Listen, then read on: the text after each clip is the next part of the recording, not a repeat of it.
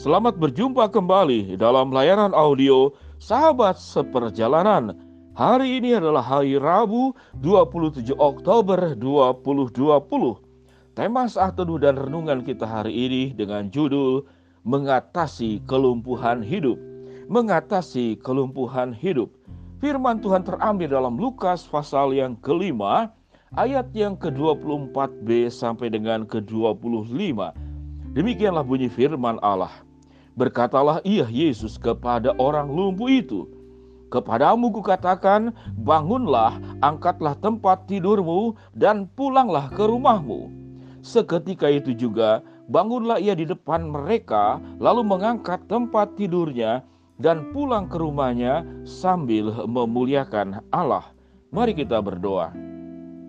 Bapa yang di dalam surga, kami ingin menjadi pribadi-pribadi yang sehat secara fisik, sehat secara hati, sehat secara iman, dan sehat secara keseluruhan hidup kami. Dan untuk menyehatkan semua bagian hidup kami tersebut, maka engkaulah dokter yang menyembuhkan sakit fisik kami dan dokter yang menyembuhkan sakit kehidupan kami. Kami percaya Tuhan, kalau engkau bisa menciptakan segala perkara di dalam kemahakuasaan, kehebatan, kedahsyatan Tuhan, maka tidak ada masalah sebesar apa pun yang tidak sanggup engkau untuk selesaikan. Di dalam nama Tuhan Yesus kami berdoa. Amin. Sahabat seperjalanan yang dikasihi Tuhan, kita bertemu dengan dua macam kelumpuhan. Kelumpuhan yang pertama adalah kelumpuhan fisik, di mana Yesus menyembuhkan orang yang lumpuh dan berkata, "Bangunlah, angkatlah tempat tidurmu dan berjalanlah pulanglah ke rumahmu." Lalu orang lumpuh itu menjadi sembuh, bisa berjalan dan kemudian sambil memuliakan Allah. Ada bukti-bukti yang sangat luar biasa di dalam Alkitab.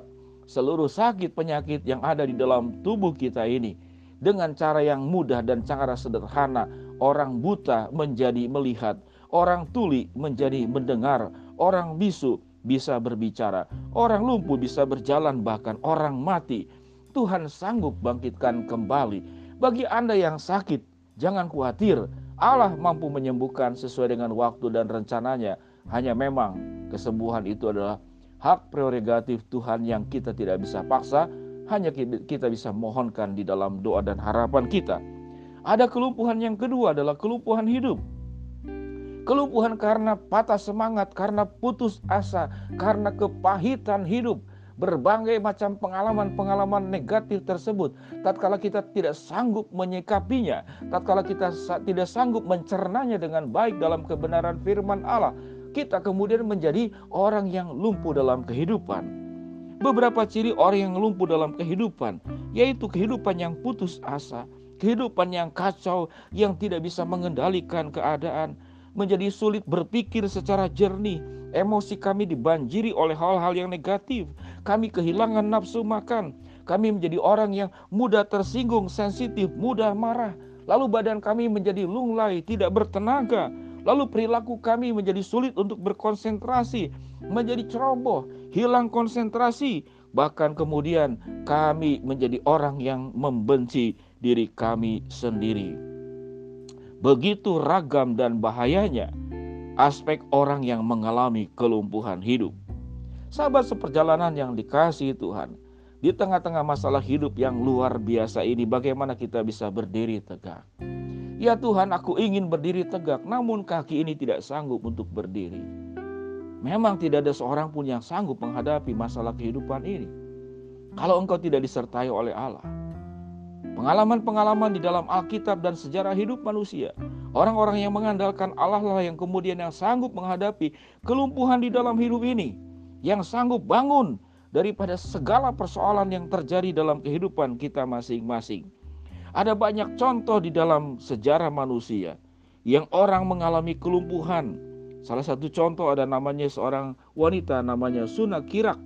Dia lumpuh bisu namun dia menjadi seorang yang terkaya, salah satu yang terkaya. Silakan Anda untuk mencarinya di Google dan di YouTube. Sunak Kirak namanya. Ada juga kalau kita mengatakan, waduh aku sangat mengalami hal yang sangat berat dalam hidup ini.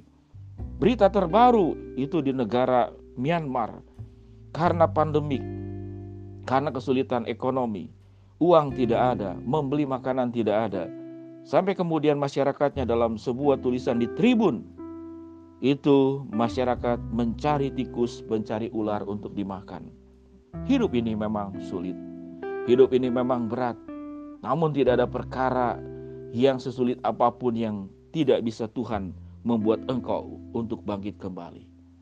Di sinilah di saat-saat seperti inilah kita yang kemudian berkeliling-keliling di padang pasir sebagaimana bangsa Israel yang dibimbing, ditolong, dipimpin oleh Musa yang Tuhan mintakan adalah bukan kekuatan kita, bukan cara berpikir kita, bukan hikmat manusia.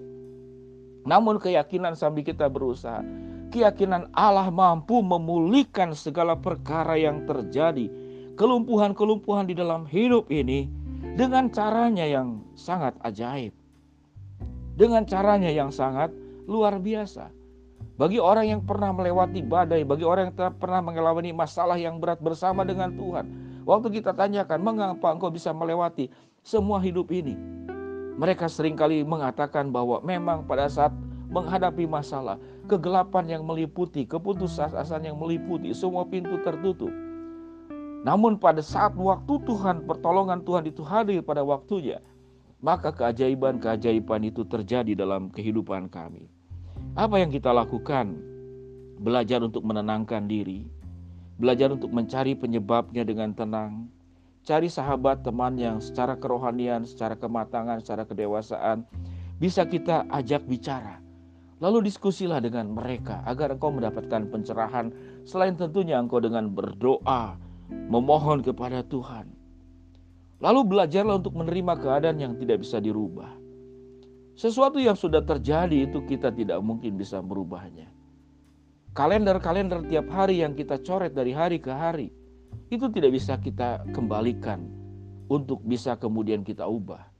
Yang kita bisa ubah adalah bukan mengubah masa lalu, namun mengubah sikap hidup kami, sikap hidup sahabat seperjalanan hari ini yang akan menentukan hari esok apa yang akan terjadi, engkau tentukan hari ini.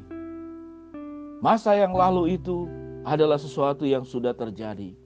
Sewaktu engkau meratapi masa lalu, meratapi apa yang sudah ada terjadi, maka engkau sedang tidak hidup di masa kini, apalagi di masa depan. Engkau sedang hidup di masa lalumu.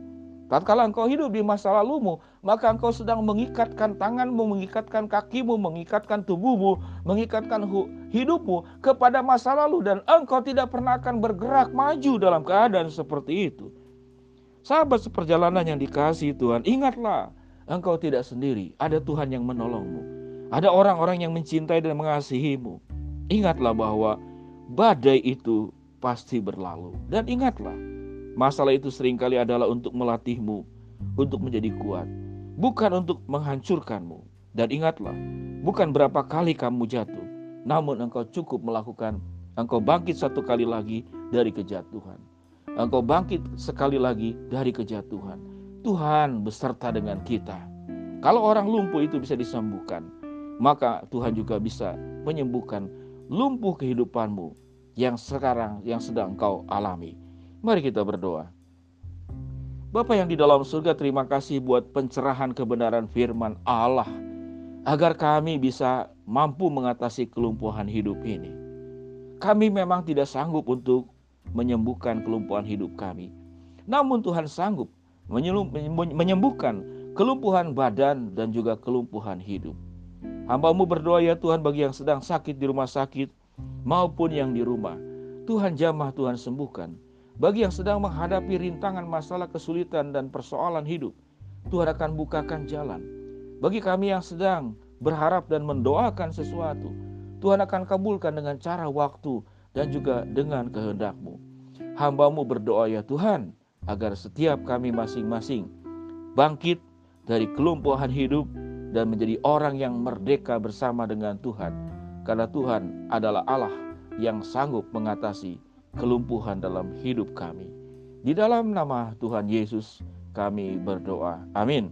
Shalom sahabat seperjalanan, selamat beraktivitas, tetap sehat, tetap kuat di dalam Tuhan tetap mengandalkan Tuhan, Tuhan akan mengatasi setiap kelumpuhan hidup yang terjadi dalam kehidupanmu. Shalom, Tuhan berkati. Amin.